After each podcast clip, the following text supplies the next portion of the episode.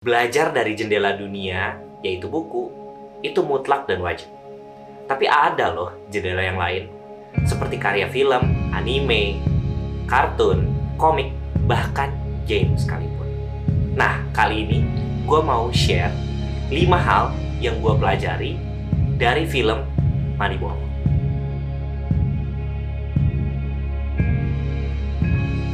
What's up everyone? Selamat datang di channel gue, Fitzgerald Sayendu. Di channel ini gue bakal bahas hal-hal yang gue pelajarin yang pastinya berguna buat karir, self-development, khususnya kalian yang masih SMA, kuliah, fresh graduate, dan first jobber. Yang baru datang ke channel gue, please consider to subscribe karena gue bakal upload video baru setiap minggunya. Moneyball, film ini rekomen banget sih. Ada tiga faktor menurut gue. Pertama, film ini tuh didasarkan dari kisah nyata, diadaptasi dari buku berjudul Moneyball, The Art of Winning an Unfair Game, karya Michael Lewis. Yang kedua, dibintangi sama aktor-aktor besar seperti Brad Pitt, Jonah Hill, Philip Hoffman, dan Chris Pratt. Yang ketiga, ya ini diambil dari kisah nyata dunia profesional sport gitu. Film tentang baseball dari kacamata organisasi. Bisa dibilang film olahraga ini adalah salah satu yang terbaik menurut gue.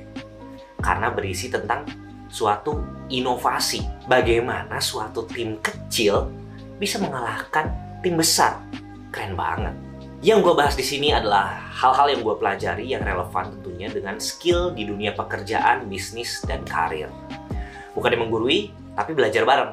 Nah, kalau kalian ada perspektif lain, atau ada poin-poin yang orang lain juga harus tahu, tulis di kolom komentar, kita ngobrol ya.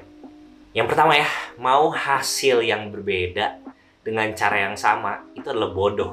You guys are talking the same old nonsense like we're looking for Fabio. We got to think differently. Jadi awal ceritanya, general manager dari Oakland Athletics, Billy Bean yang diperani oleh Brad Pitt, itu timnya kalah di tahun 2001. Diikuti ketika masa transfer pemain, semua pemain bintangnya cabut. Dia harus ngebangun ulang dong tim ini ya. Tapi bintangnya tadi pada cabut, sedangkan mereka juga tim dengan kapital yang kecil, tergolong kecil, tapi pengen hasil yang berbeda. Lucunya, ownernya sekalipun itu terima-terima aja dengan keadaan yang seperti ini gitu ya. Tapi general manager Billy Bean ini nggak terima gitu. Dia adalah mantan seorang pemain profesional baseball juga gitu. Jadi ada sisi kompetitif yang berpikir bahwa ini sistemnya ada yang salah. Tapi gue nggak mau diem aja. Gue harus cari cara biar tim Oakland Athletics ini melakukan sesuatu yang ujung-ujungnya inovasi. Itulah bedanya. Kalau kita punya mental juara, pengen menang, itu akan ngelakuin semua yang lu bisa. Bahkan yang ekstrim sekalipun. Di sini diceritain banget bagaimana leadership seorang Billy Bean, yaitu general manager tadi, harus berhadapan dengan kenyataan bahwa proses inovasi, keputusannya untuk merubah sistem itu bakal banyak ditentang banyak orang.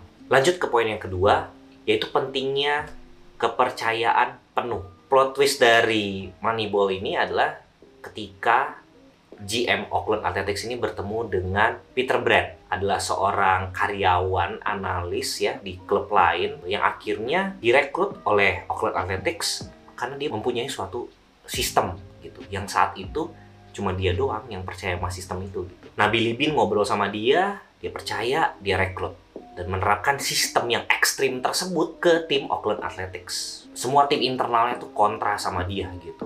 Dari awal season, bahkan dari sebelumnya gitu ya. Billy. Now I will. Good luck, Art. Talent scouting, kemudian juga coachnya, kemudian juga bahkan ownernya. Dan setengah jalan, cara yang dipakai sama si Billy Bean dan Peter Brand ini tuh kayaknya nggak membuahkan hasil. Sehingga sampai di suatu titik, Billy Bean harus ngelabrak Peter Brand untuk meyakinkan bahwa cara ini tuh berhasil nggak sih? Di saat itu, GM percaya sama asisten GM. Dia percaya 100%. Dia cuma memastikan bahwa lu yang punya idenya tadi, jangan juga lu jadi mundur gitu. Wah, ini salah satu adegan yang keren sih di film Moneyball ini. Yang ketiga, yaitu komunikasi efektif ketika lu harus mencat orang. Nah, ini menarik banget ya. Jadi, organisasi di perusahaan ya ada saatnya kita harus say goodbye gitu dengan karyawan atau tim kita gitu ya.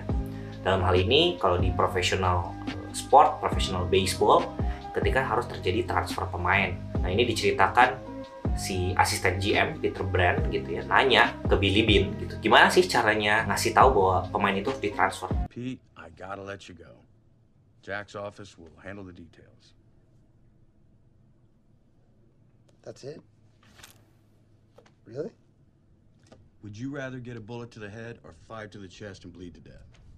itu kan informasi yang sebenarnya gak enak ya gitu karena banyak lah pertimbangannya gitu ya ketika lu jadi pemain dan ditransfer ke tim lain gitu nasib lu tuh ditentuin sama mempunyai tim. Dan cara terbaik ya untuk mencat orang untuk ngasih informasi yang gak enak tadi gitu ya adalah melakukan komunikasi efektif. Apa itu komunikasi efektif? Sampaikan dengan empati satu arah dan mengatakan bahwa ini adalah keputusan yang final. Terdengar kejam ya tapi itu adalah bagian dari pekerjaan seorang pimpinan atau manajer gitu. Yaitu bagian nggak enaknya itu tanggung jawabnya. Yang keempat tugas seorang leader adalah komunikasi one on one di sini digambarin ada satu adegan ketika Billy Bean ini ngelihat performa beberapa individu ini tuh kurang gitu ya dia datengin tuh satu-satu Mr. Justice, had a few thoughts. Yeah? Can you teach me some things?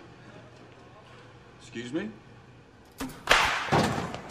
Never seen a GM talk to players like that, man. You never seen a GM who was a player.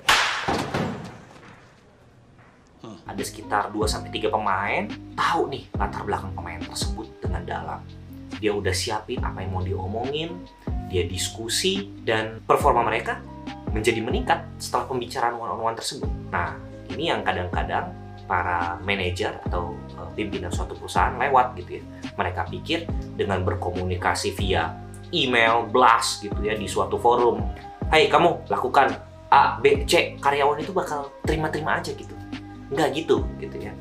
Pasti banyak faktor yang mempengaruhi performance seorang karyawan. Karena mereka manusia boy bukan robot. Itu tugas seorang pimpinan. Dan itu adalah suatu leadership ya. Di mana lu berkomunikasi people to people gitu. Bagaimana meyakinkan mereka bagaimana mengulik kebutuhan mereka sehingga semua concern mereka itu bisa terjawab dan mereka bisa ngasih performance yang terbaik untuk timnya dalam hal ini juga untuk perusahaan. Yang terakhir yang kelima, ya ini sering banget jadi meme gitu ya. Bisa jadi jargon juga yang lahir dari film ini. Ketika Billy Bean mengatakan kepada para senior talent scouting yang umurnya jauh dari dia, You're discounting what scouts have done for 150 years, even yourself? Adapt or die. Beradaptasi atau mati. Gue bukan ngomongin tentang teori Charles Darwin ya, tapi ini bagaimana seorang leader, seorang manajer, ya, perusahaan, organisasi itu memang harus melakukan suatu adaptasi, ya. Itu kunci dari keberlangsungan suatu organisasi gitu ya bisa bertahan. Dan adaptasi itu 90% akan menyakitkan gitu ya. Nggak ada perubahan yang enak gitu. Namanya berubah itu pasti ada nggak enaknya. Tapi baik lagi, kalau kita udah tahu visinya bahwa ini sebenarnya untuk kebaikan, kita akan melewati proses yang nggak enak itu. So, buat teman-teman, jangan takut menghadapi yang namanya adaptasi. Mana pun kalian berada, karena nggak ada hal yang pasti. Yang pasti itu adalah ketidakpastian. Itu dia 5 hal yang gue pelajarin dari film Moneyball. Semoga 5 poin tersebut bisa kalian adaptasi dan berguna kalian yang lagi di fase SMA, kuliah, fresh graduate, first jobber, atau bahkan kalian juga yang lagi bisnis. Dari gue itu aja, by the way, ada nggak poin yang gue lewatin? Atau poin penting dari perspektif kalian yang harus orang lain juga tahu? Tulis di kolom komentar, kita ngobrol ya. Thank you udah nonton video ini. I'm Gerald signing out. Bye-bye.